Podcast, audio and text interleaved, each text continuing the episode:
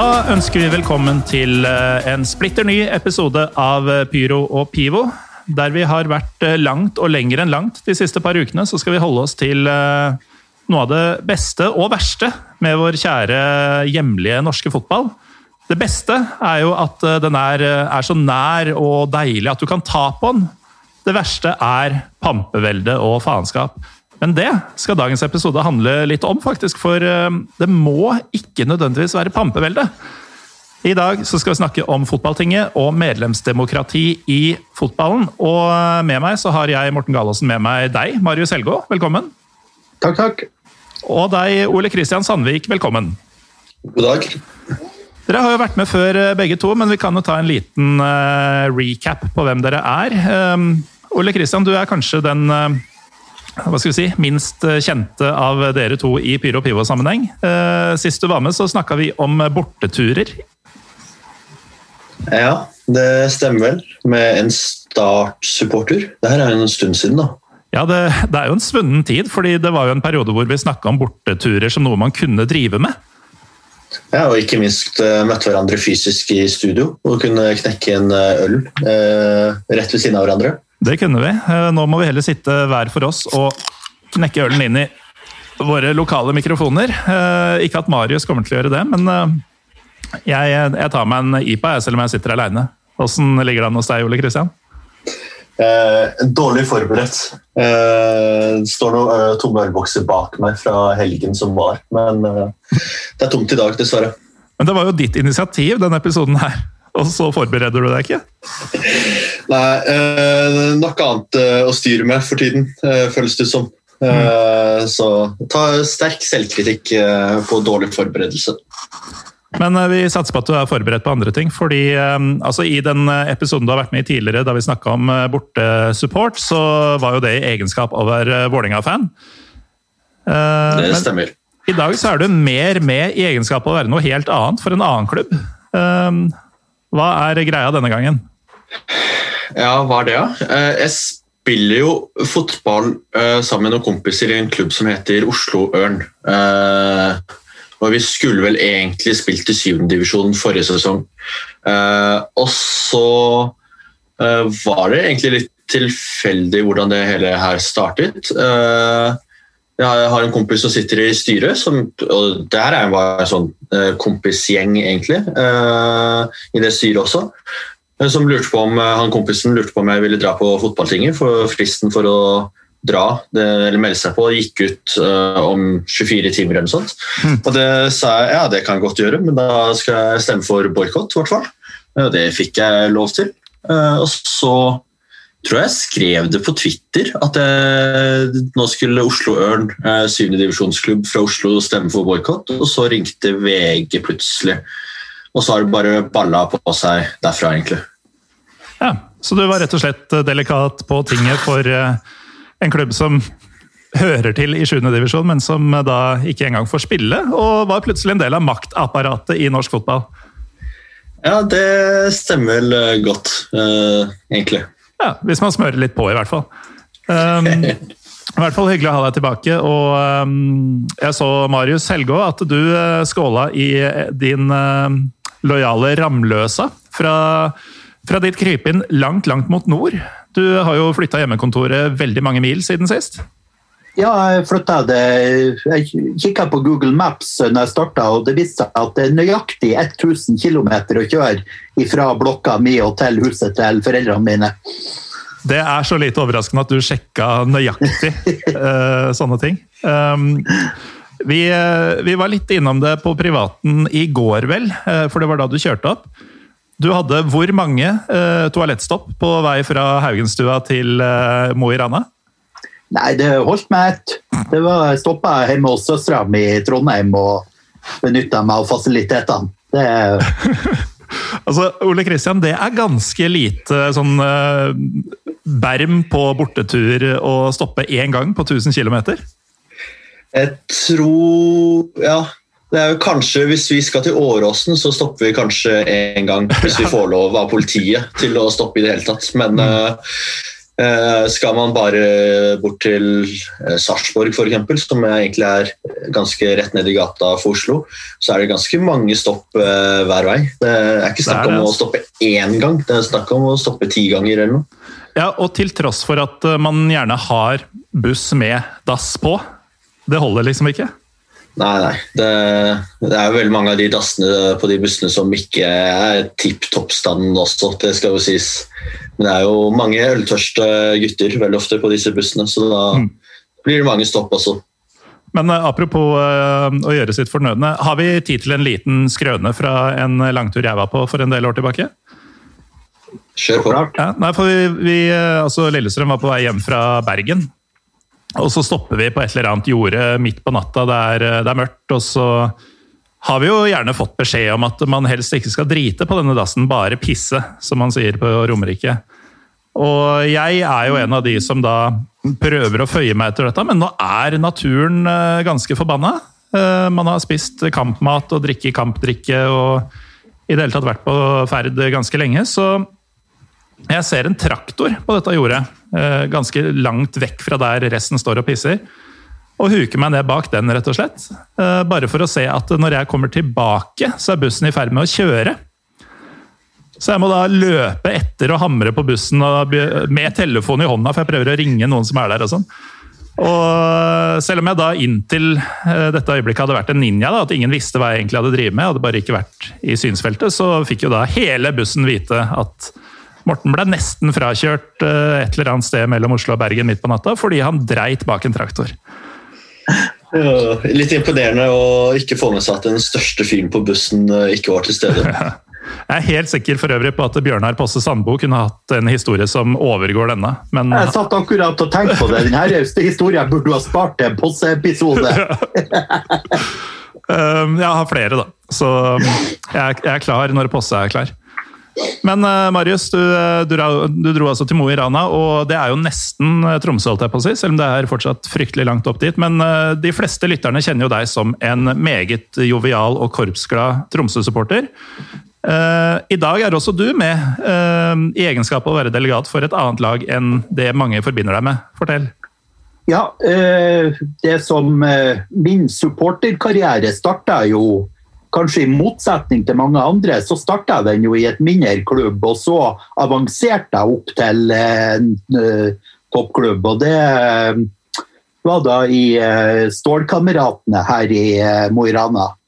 Så jeg var før jeg flytta til Oslo, så var det der jeg først og fremst var aktiv som eh, supporter. Eh, på midten av 90-tallet i førstedivisjon og eh, de senere årene stort sett i tredje- eller fjerdedivisjon.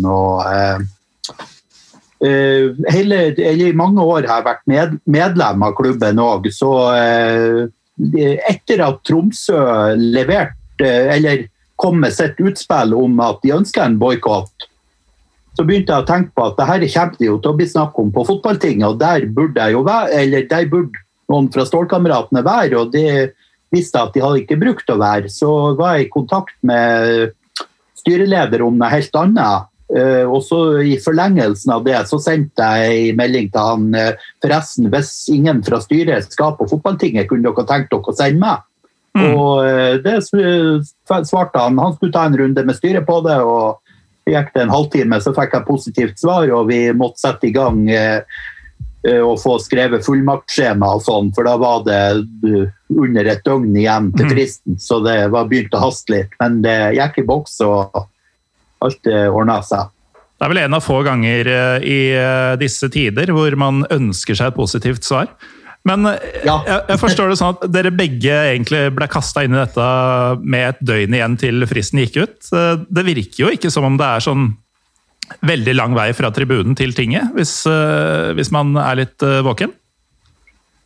Nei, det er jo ikke det. Og det, jeg tror jo at det er mange supportere som har en tilknytning til en breddeklubb òg, og kanskje har spilt der når de var yngre. og Eh, da er det ikke noe flaut å være medlem der fortsatt, tenker jeg i hvert fall. Mm. Og, og da, eh, vi vet jo at det er veldig mange breddeklubber som, som ikke deltar på det her tinget. og eh, Spesielt nå når de foregår digitalt pga. smittevernbegrensninger, så Mm. er det jo veldig lav terskel for å være med. Ja, ikke sant? Og så, vi var jo litt innom det for et par uker siden da mm, Lars og Erlend fra Vår Fotball var med. Um, det at um, uh, Hasunds hund, f.eks. fra Bergen, en ganske Eller pga. tinget, mange ting, er blitt en ganske berømt sjettedivisjonsklubb, eller hva det er. Men altså, veien fra å være en helt vanlig fotballinteressert nordmann til å faktisk være med å øh, kunne sette agenda og, og faktisk også være med å bestemme litt, da, den er faktisk utrolig kort med det systemet vi har nå. Du får ikke nødvendigvis gjennomslag, men uh, du kan faktisk tvinge både fotballpresidenter og andre til å diskutere ting du er interessert i og opptatt av.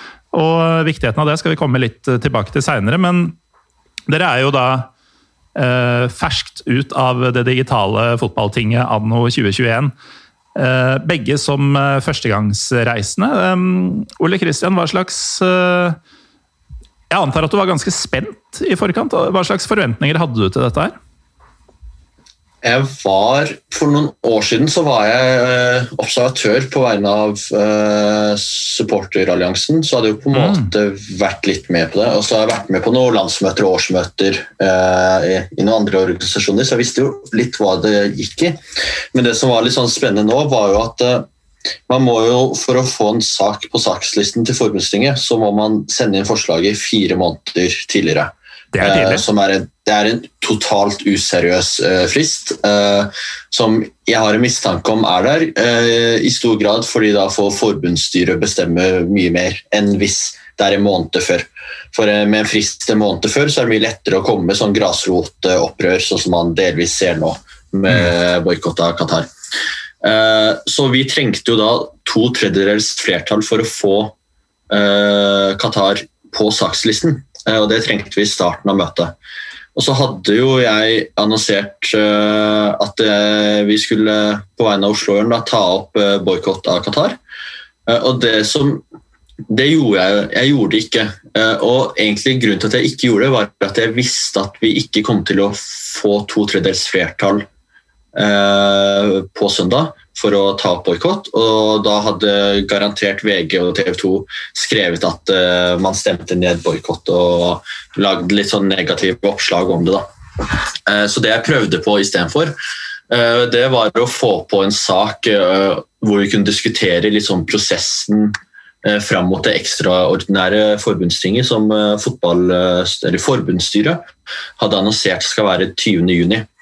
Uh, og fikk jo litt diskusjon på en måte i starten, uh, men det ble jo dessverre stemt ned, det også. Uh, så nå er det jo i teorien så er det nå opp til forbundet å bestemme hvem som skal sitte i dette utvalget og sånt. Og så skal det nok sies at f.eks. Gjert, han som er talsmann i NSA, gjør en ganske god jobb for at bl.a. NSA skal være representert i det utvalget. Mm. Men uh, det var, var, nok mye action helt til starten av møtet, og så ble det veldig tamt etter hvert, sånn, med tanke på Qatar.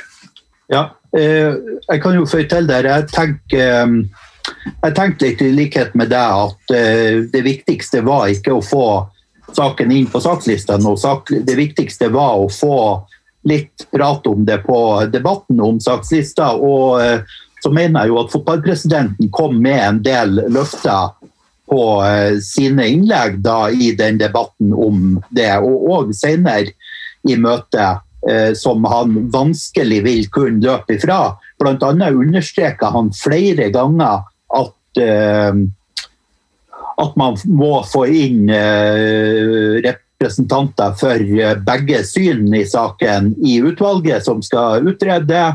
Og han understreka òg at supporterne skal ha en plass i utvalget. og Da tenker jeg jo at de kan ikke gjøre det på en annen måte enn å ringe til MSA og si hei, eh, kan dere oppnevne en person på vegne av Supporter-Norge. Mm. Eh, Så, eh, så har jeg jo trua på at MSA-styret kommer til å velge den beste til det. Så kan jeg også si at eh, fra den ballen her begynte å rulle med at Tromsø sa at de ville boikotte VM i Qatar, eh, så har jo det, ting har gått veldig fort. Og forbundsstyret har jo blitt drevet fra skanse til skanse, hvor de først var mot eh, boikott i seg selv, og ville egentlig ikke diskutere det, til at det, ja, kanskje vi skal ha et ekstraordinært forbundsting hvor vi skal bestemme det sånn i august-september eller noe sånt, til at flere og flere klubber eh, i Eliteserien vedtar det og legger press på, på, forbundet, og så plutselig så blir det et ekstraordinært forbundsting eh, nå før sommeren. Og bare det at det, den trusselen om at forslaget skulle bli tatt opp, har gjort at forbundet og fotballpresidenten har beveget seg enormt på kort tid. Jeg kan ikke huske sist eh, NFF beveget seg så mye i en sak de selv var imot på mm. så kort tid.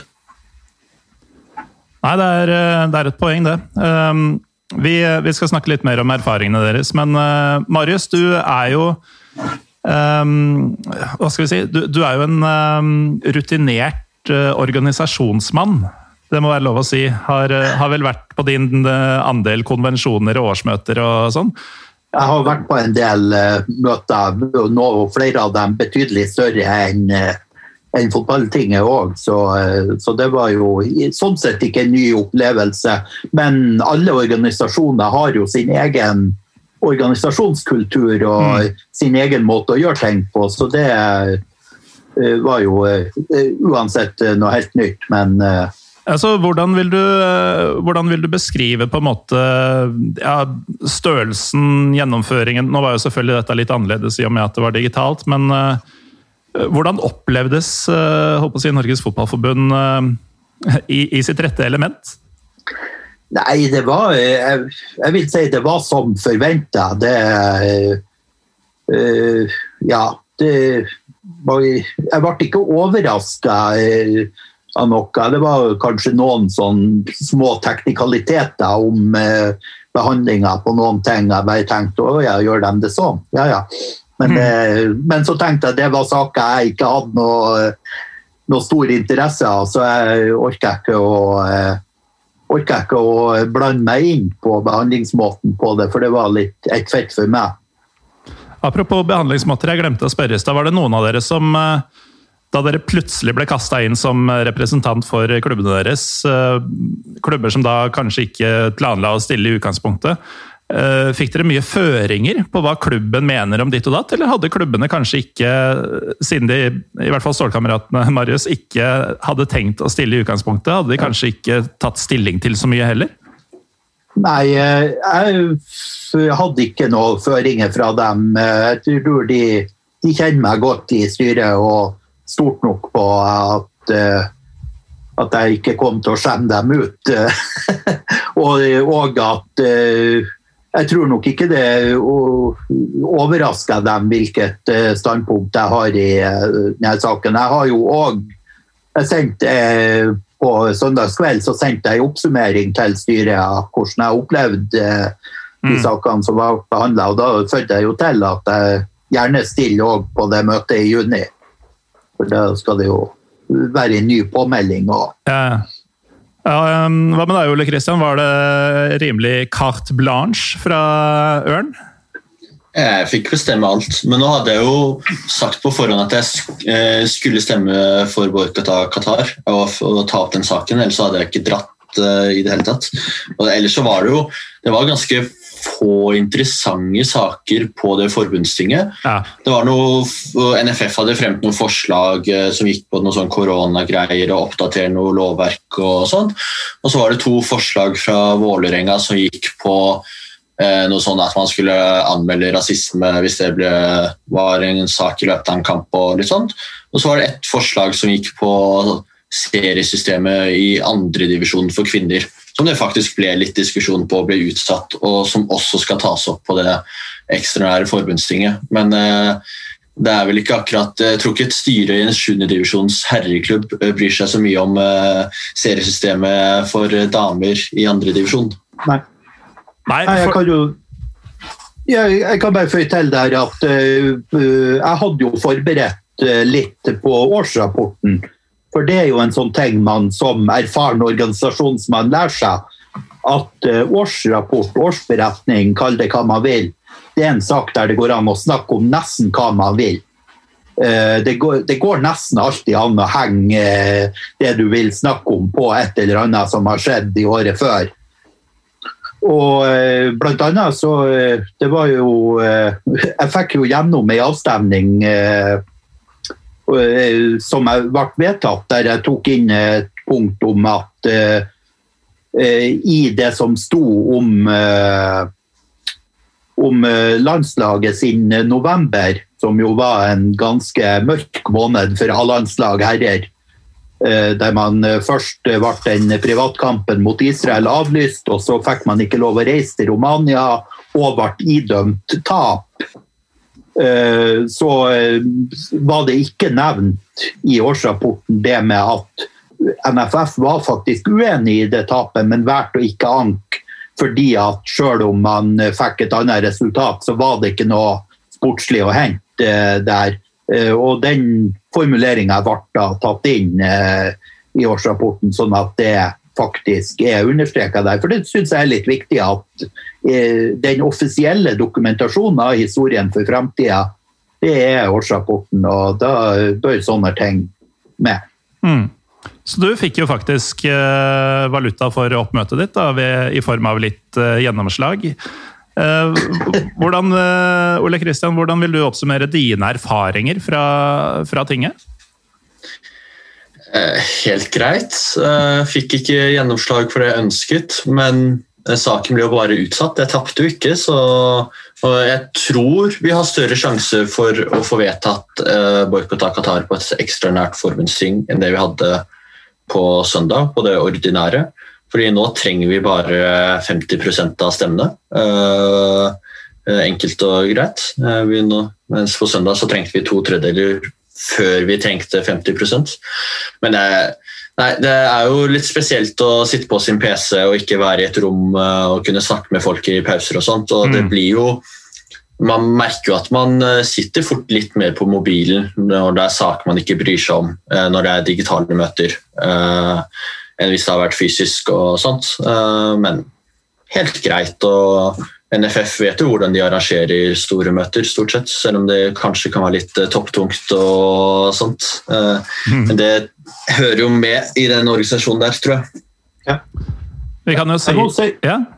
ja, jeg vil jo si at en styrke ved NFF sitt organisasjonsdemokrati, det er at det er faktisk klubbene som møter direkte i veldig mange andre landsdekkende store organisasjoner så har man fylkesledd som, som møter på landsmøtet, og så har klubbene eller det som tilsvarer, de møter på den fylkesvise representasjonen. Eh, og så er det de, de fylkesårsmøtene som velger delegater til, eh, til landsmøtet. Og det er klart det er en veldig mye mer demokratisk måte å gjøre det på at de enkelte klubbene eh, deltar, så er det jo en, en variant i uh, Fotballforbundet sine regler som jeg syns er litt merkelig, men samtidig jeg skjønner hvorfor den er der, selv om jeg er uenig i at den skal være der. Det er jo at de klubbene i de øverste divisjonene får stille med to delegater hver, mens andre klubber har én delegat hver. Mm.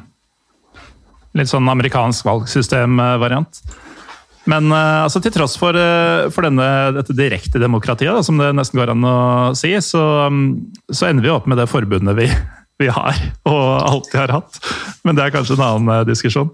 Um, men nå, nå, har vi vært ganske mye innom det allerede. Altså, vi må jo snakke litt om løsninga på Qatar-spørsmålet. fordi, som dere var inne på, vi, det, det, var jo aldri på agendaen, fordi denne fristen for å sende inn saker til tinget er Eh, hva var det, fire måneder i forveien? Som, måneder. Som da er en tredjedel av et år. Bare for å, altså det er mer enn Du får strømregning Du får to strømregninger hvis du har kvartalsvise strømregninger. Eh, potensielt. I løpet av den perioden som går fra du skal sende inn forslag til tinget fram til tinget er.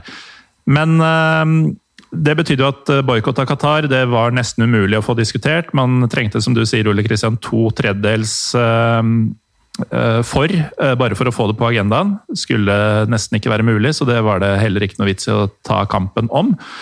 Men man fikk jo da til at et utvalg skal se på spørsmålet før et da ekstraordinært ting som handler om dette her, finner sted i juni, var det det? 20. juni.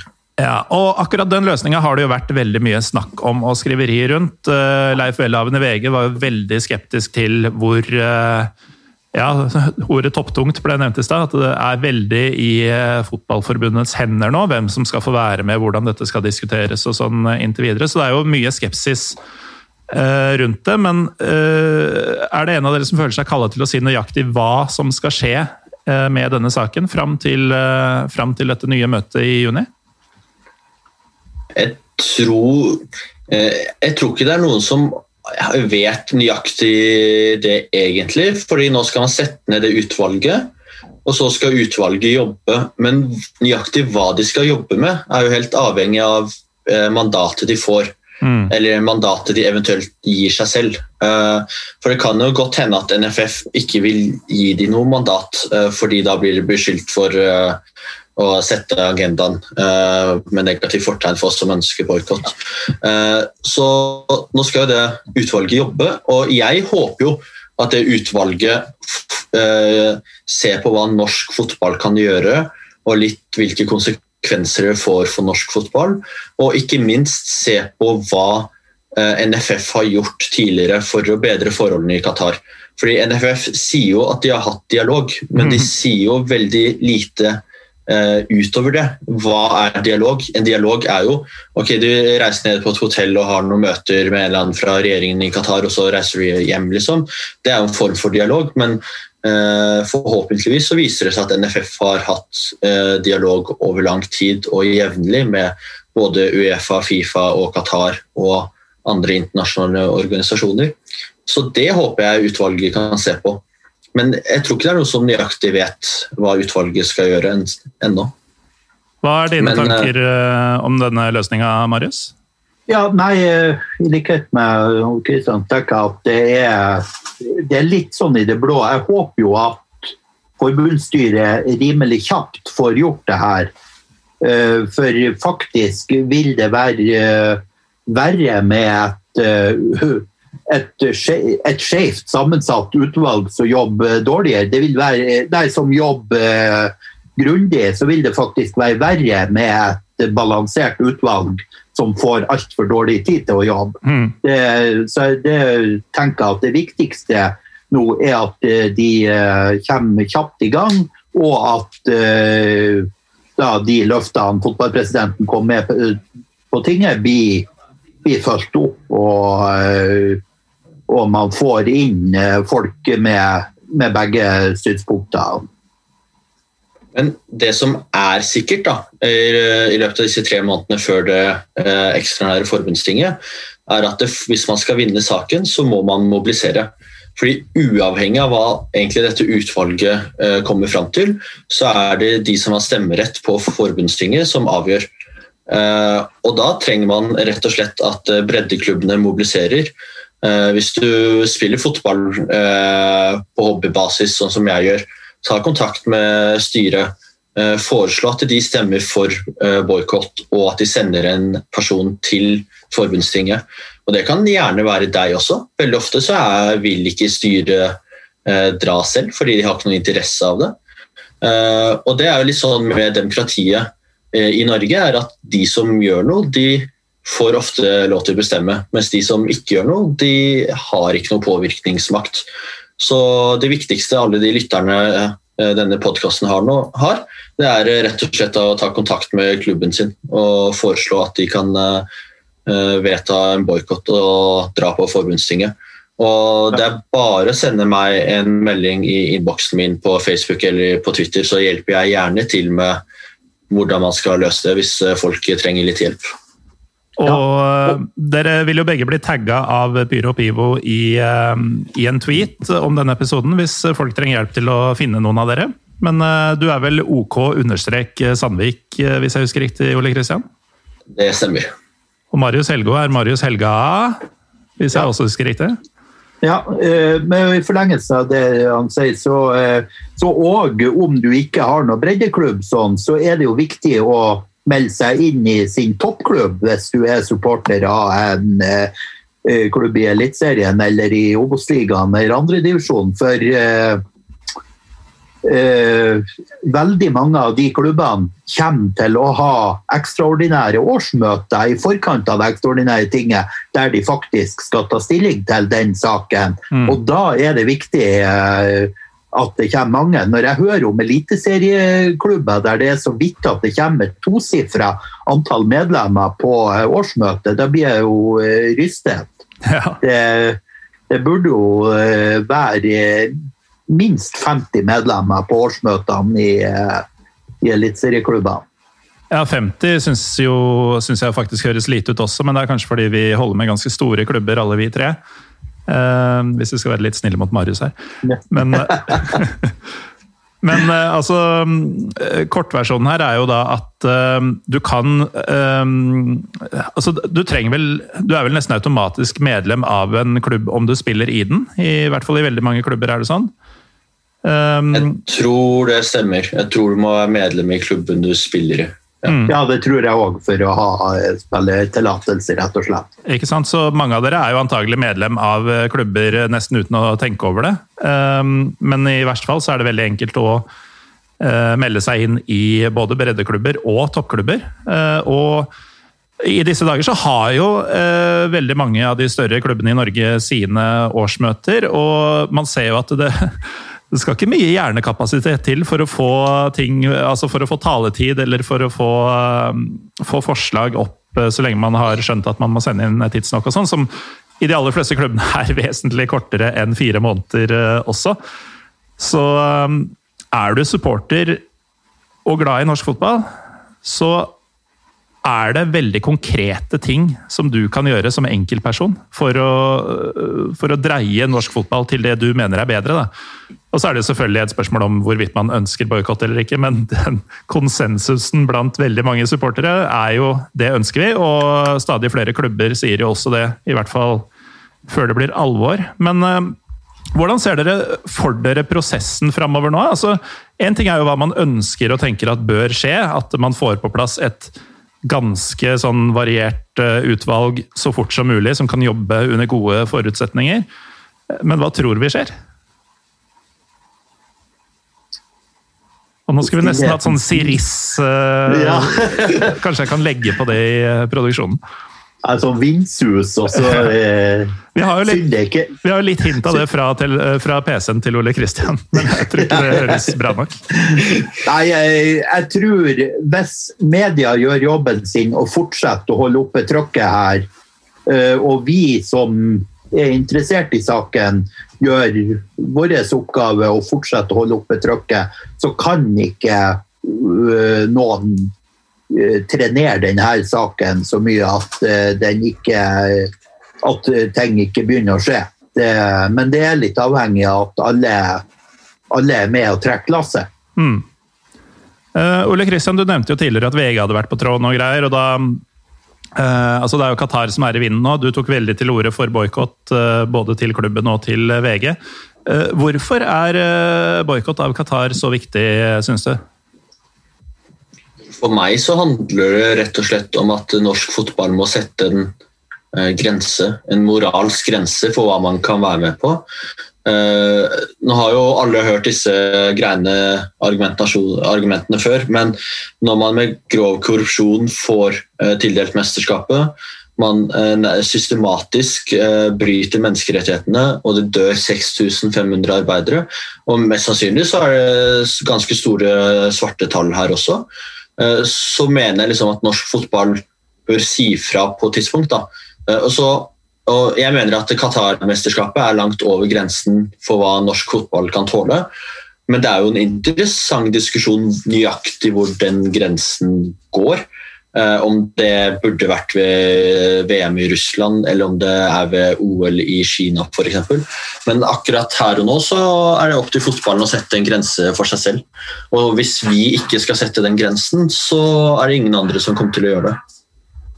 Ja, jeg er helt enig. og, eh, og samtidig, eh, man møter jo alle mulige former for det som kalles for whataboutism at eh, hva med det, da? Hvorfor ble ikke det boikotta? Og jeg tenker eh, ja, kanskje det òg skulle ha vært boikotta. Men det ble f.eks. nevnt friidretts-VM som òg var i Qatar. Hvorfor tok ingen til orde for det? Jeg må innrømme at mitt engasjement i norske friidrettsklubber det er ikke-eksisterende. Derfor tok ikke jeg til orde for det. Mm. Mens mitt engasjement i norsk fotball det er relativt stort. Ja, såpass enkelt er det jo. Um, og, det er jo denne såkalte whataboutismens uh, kanskje største svakhet. er at det er jo ingen som er interessert i eller opptatt av alt. Altså Hvis man ikke velger sine slag, så, uh, så drukner man jo.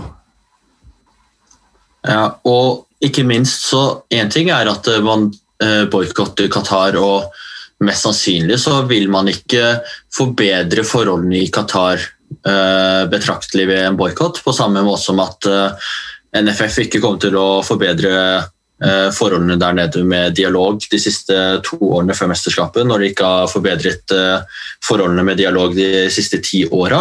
Men det handler jo også om å sette en grense for framtidige mesterskap og framtidige tildelinger, og hva Norges Fotballforbund skal gjøre på vegne av norsk fotball hvis f.eks. Qatar søker om VM om 20 år på nytt, eller plutselig Saudi-Arabia ønsker eh, VM om 10 år eller noe sånt.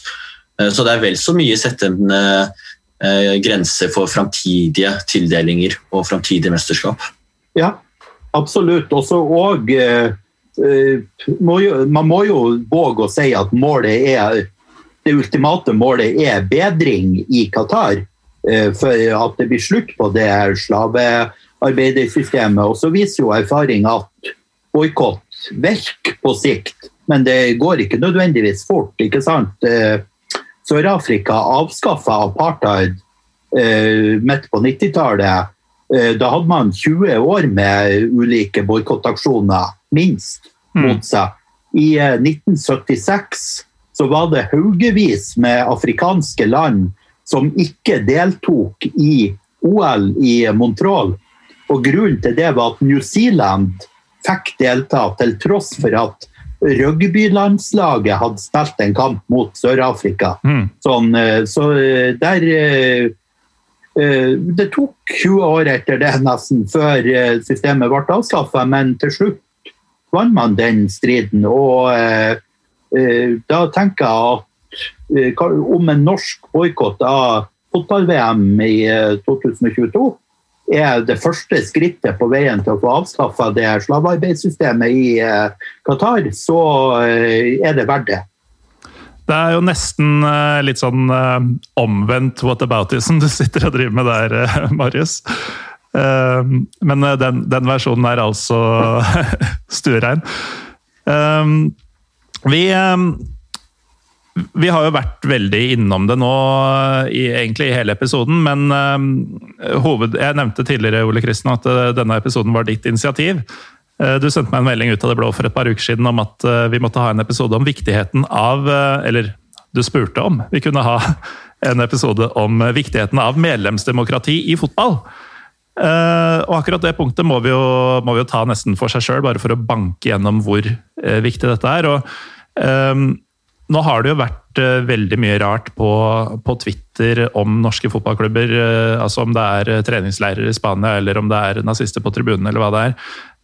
men en av tingene som ble nevnt forleden dag, som jeg la merke til, var at det er veldig mange av disse mot den moderne fotballen-folka som ikke nødvendigvis er medlem av klubbene sine eller stiller på årsmøtene og sånn.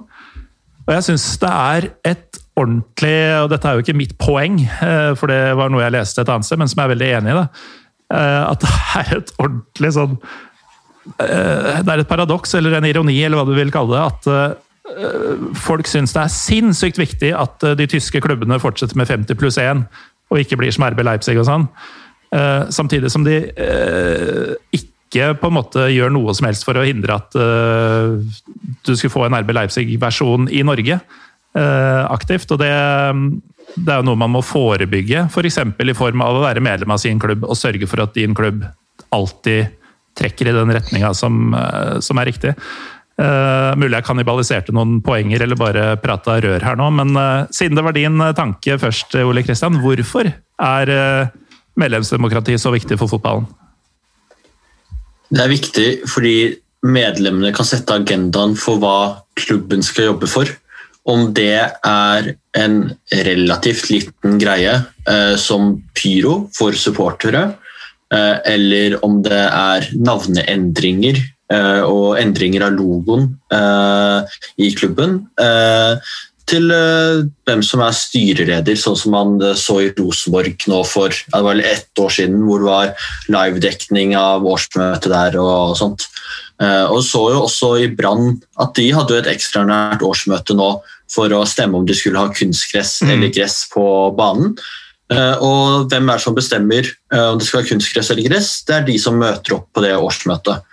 Og det man dessverre ser, er at de som pleier å være medlemmer i klubben og møte opp på årsmøter, veldig ofte er menn som sitter på langsida som er 50-60 år. Og det er ikke noe galt med dem i seg selv, mens eh, vi som eh, gjerne står på supportertribunen, eh, vi er veldig glade i å klage på at klubben ikke jobber nok for å legalisere pyroteknikk til fribruk, f.eks. Mm. Mens løsningen er jo da å vedta på årsmøtet at klubben skal jobbe for pyroteknikk på tribunen. Og det kreves egentlig veldig lite arbeid. Det eneste man trenger, er å skrive et forslag sende inn forslaget til styret innenfor fristen og møte opp den ene onsdagskvelden eller lørdagskvelden på tre-fire timer mm. og avgi stemme på den ene saken. Og så, hvis man er nok eh, folk og har greid å mobilisere litt, så får man gjennomslag for eh, saken sin. Ja, og det er jo litt det du nevnte i stad, Marius, om at det er mange klubber som har veldig lav, uh, lavt oppmøte på disse årsmøtene, som gjør at det å i anførselstegn kuppe et møte og få banka gjennom omtrent alt du vil, uh, den muligheten er, det er såkalt lavthengende frukt, er det ikke det? Jo da, det er, nå er jo ikke det noe god organisasjonspraksis akkurat. Men, og det er jo derfor man har den bestemmelsen om at uh, for å ha stemmerett på årsmøtet, så skal du ha vært medlem i minst en måned. Mm. Uh, og det er jo for å unngå at uh, når det dukker opp en sak, så, så får man masse innmeldinger som vil påvirke den, men at de som er med å bestemme en sak, er de som er medlemmer i klubben fra før. Og nettopp derfor er det ekstra viktig at man melder seg inn og er medlem i klubben også når det ikke skjer noe, for å være klar den dagen det mm. plutselig skjer noe. Det kan være din klubb som plutselig har fått en investor som tenker at hvis vi bare klarer å få varemerkelogoen min inn som klubblogo, så skal jeg pøse på med penger. Men det er kanskje ikke den varemerkelogoen du har lyst til å gå rundt med på eh, effektene dine. Nei, apropos eksempelet RB Leipzig.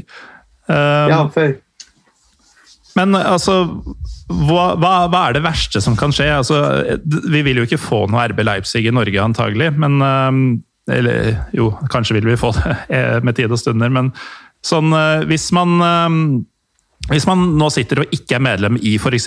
la oss si Viking, da. Ehm, hva er det verste som kan skje med Viking i løpet av et år, som du kunne vært med på å forhindre, sånn på veldig kort varsel? Uh.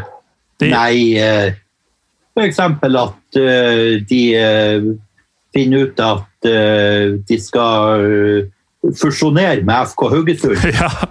Eller med Sandnes Ulf. De skal fusjonere med Sandnes Ulf og begynne å spille heimekampene sine på nye Østerhus Arena. Mm. Det, Hvor de for øvrig skal legge grus. Ja.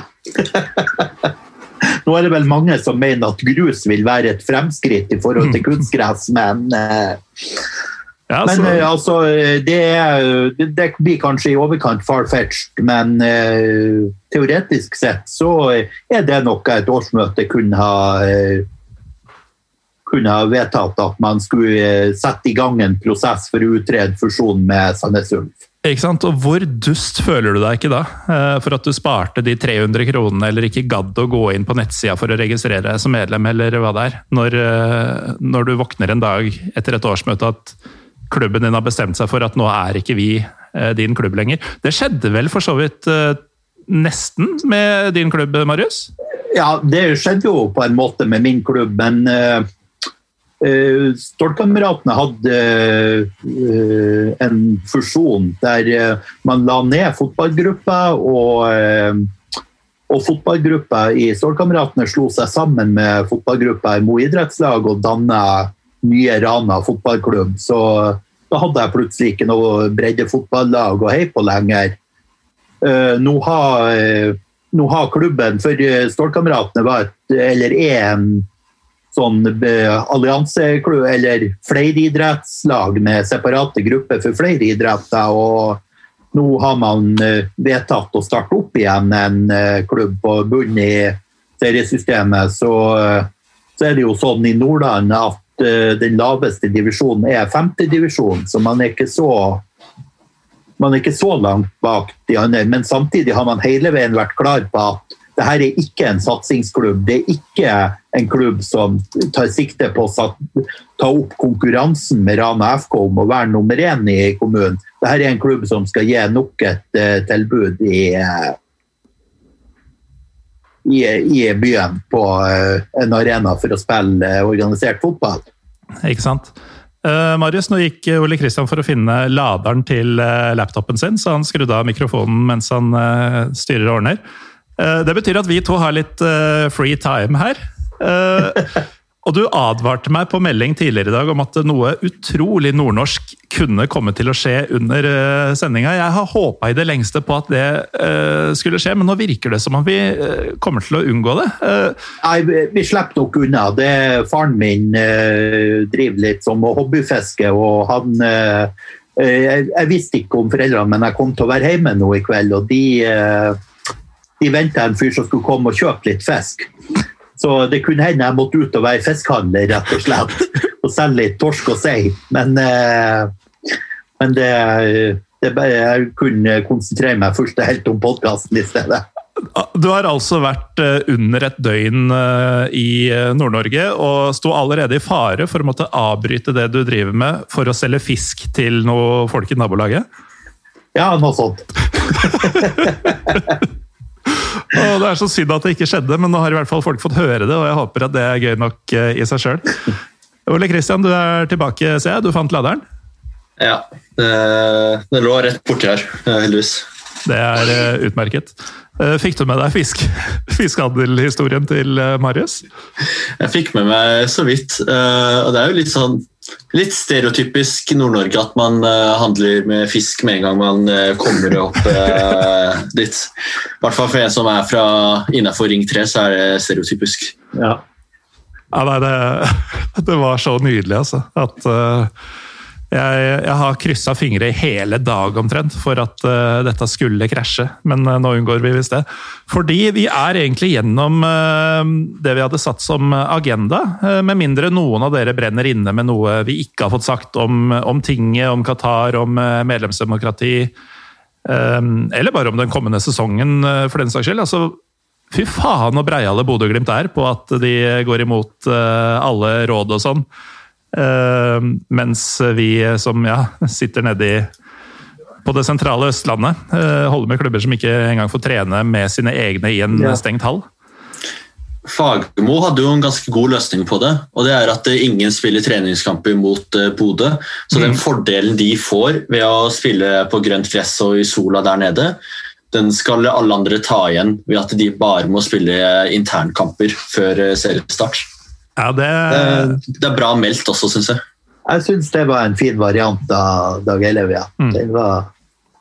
Men det er jo litt, Men, det er jo noe herlig ironisk over at Glimt er et lag som, bortsett fra Marius og, og hans likesinnede, da det er jo ingen som har hatt noe imot Bodø-Glimt eh, utenom dem eh, noensinne. Men nå har de liksom bare på løpende bånd, nærmest, etter at de ble seriemester, gjort alt de kan for å tirre på seg resten av landet. Ja, det, altså, jeg ser jo til og med Bodø-Glimt-supportere som reagerer på hvordan klubben har opptrådt de siste månedene. Så, eh, så jeg tenker de har, det er mange som omtaler dem som at de, det virker som de prøver å bli det nye Molde, og da tenker de ikke på sportslige resultater. Nei, klubben som eh, ikke kan gjøre rett. Men det her er jo også en sånn mulig eh, eh sak da, for Bodø-Glimt-supporterne hvor de bør være medlem. Hvor de kan da vedta ja, på årsmøtet sitt at uh, man ikke skal dra på treningsleir til Dubai hvis plutselig uh, klubben bestemmer seg for det, eller at man skal følge smittevernråd uh, og ikke dra på treningsleir til gud veit hvor i Spania de er. det er også sånn, ja, Medlemmene kan jo sette ganske strenge rammer for hva administrasjonen kan finne på av sånne stunt, mm. hvis man vil og hvis man gidder. Og Det er jo derfor det er så viktig å være med i eh, klubben og være medlem og møte opp den ene kvelden. Ikke sant? Selv om man skal være ekstremt forutseende for å legge ned et forslag om at dersom en pandemi inntreffer, og reiseråd tilsier ditt og datt. at man ikke... Men, uh, men, point taken, det er altså så mye sånne ting du kan gardere deg mot. Uh, nå er jo det um, altså Jeg nevnte vår fotball tidligere.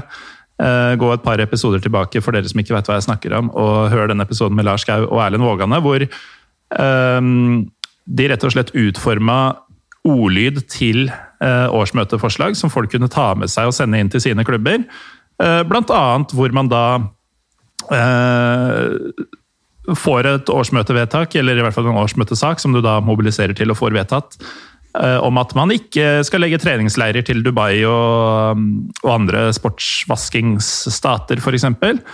Eh, det er jo ikke helt det Bodø-Glimt har gjort nå, men, eh, men man kan altså gardere seg mot sånn faenskap da, som klubben ellers bare kunne finne på å gjøre fordi det virker lukrativt eller fristende en gang i framtida.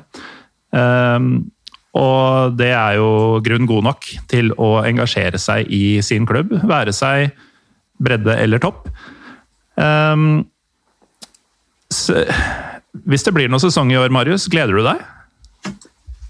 Det gjør jeg jo hvis det blir noen sesong. Jeg er jo forberedt på at uh, det blir minst like vanskelige forhold som i fjor. Mm. I fjor greide jeg jo å få sett en del Tromsø-kamper fordi Tromsø var i Obos-ligaen og ikke i Eliteserien. I år tror jeg ikke jeg kommer til å få sett noen Tromsø-kamper hvis eh, restriksjonene blir de samme som de var i fjor, og det kan de jo tyde på at de blir. Så eh, jeg håper jo bare at det blir noe annet fotball å se etter hvert. Ole Kristian, du holder jo med et lag som eh, på papiret ser ut som en tittelutfordrer. Eh, greit sur for at det ikke er noe treninger, kamper eh, eller flyt i forkant av seriestart? Jeg syns det er litt sånn typisk Vålerenga at når man først gjør det bra etter ti år med elendighet uh, og nesten litt nedrykk og nesten litt konkurs, så får man ikke lov til å dra på kamper. Mm. Og når man kommer til Europa, så blir det mest sannsynlig ikke noen europaturer pga. reiserestriksjoner og sånt. Er, jeg er litt irritert, men det er ikke så mye å gjøre med det. sånn egentlig da. Uh, litt utur har man, men laget ser ganske bra ut nå. Og forhåpentligvis så kommer vi til Europa neste sesong også. Og da skal det bli bra tur til Øst-Europa eller til eh, Storbritannia eller Georgia eller et eller annet oh. ræl av noe land. Så lenge det er ræl, så blir det gøy. Um, Enig.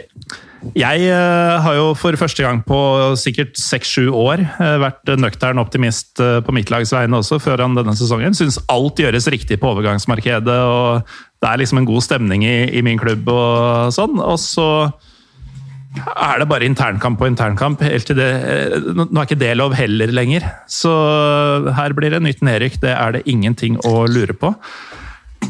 Uh, Optimistisk som alltid, du. Ja, ja men jeg prøvde å være det nå, men veien kom i veien. Uh, verden kom i veien. men jeg tror jo uh, det finnes noen få mennesker i Fotball-Norge som er happy med at det ikke er mange supportere på tribunen, og det er de som er arrangement- og sikkerhetsansvarlig i Vålerenga og Lillestrøm.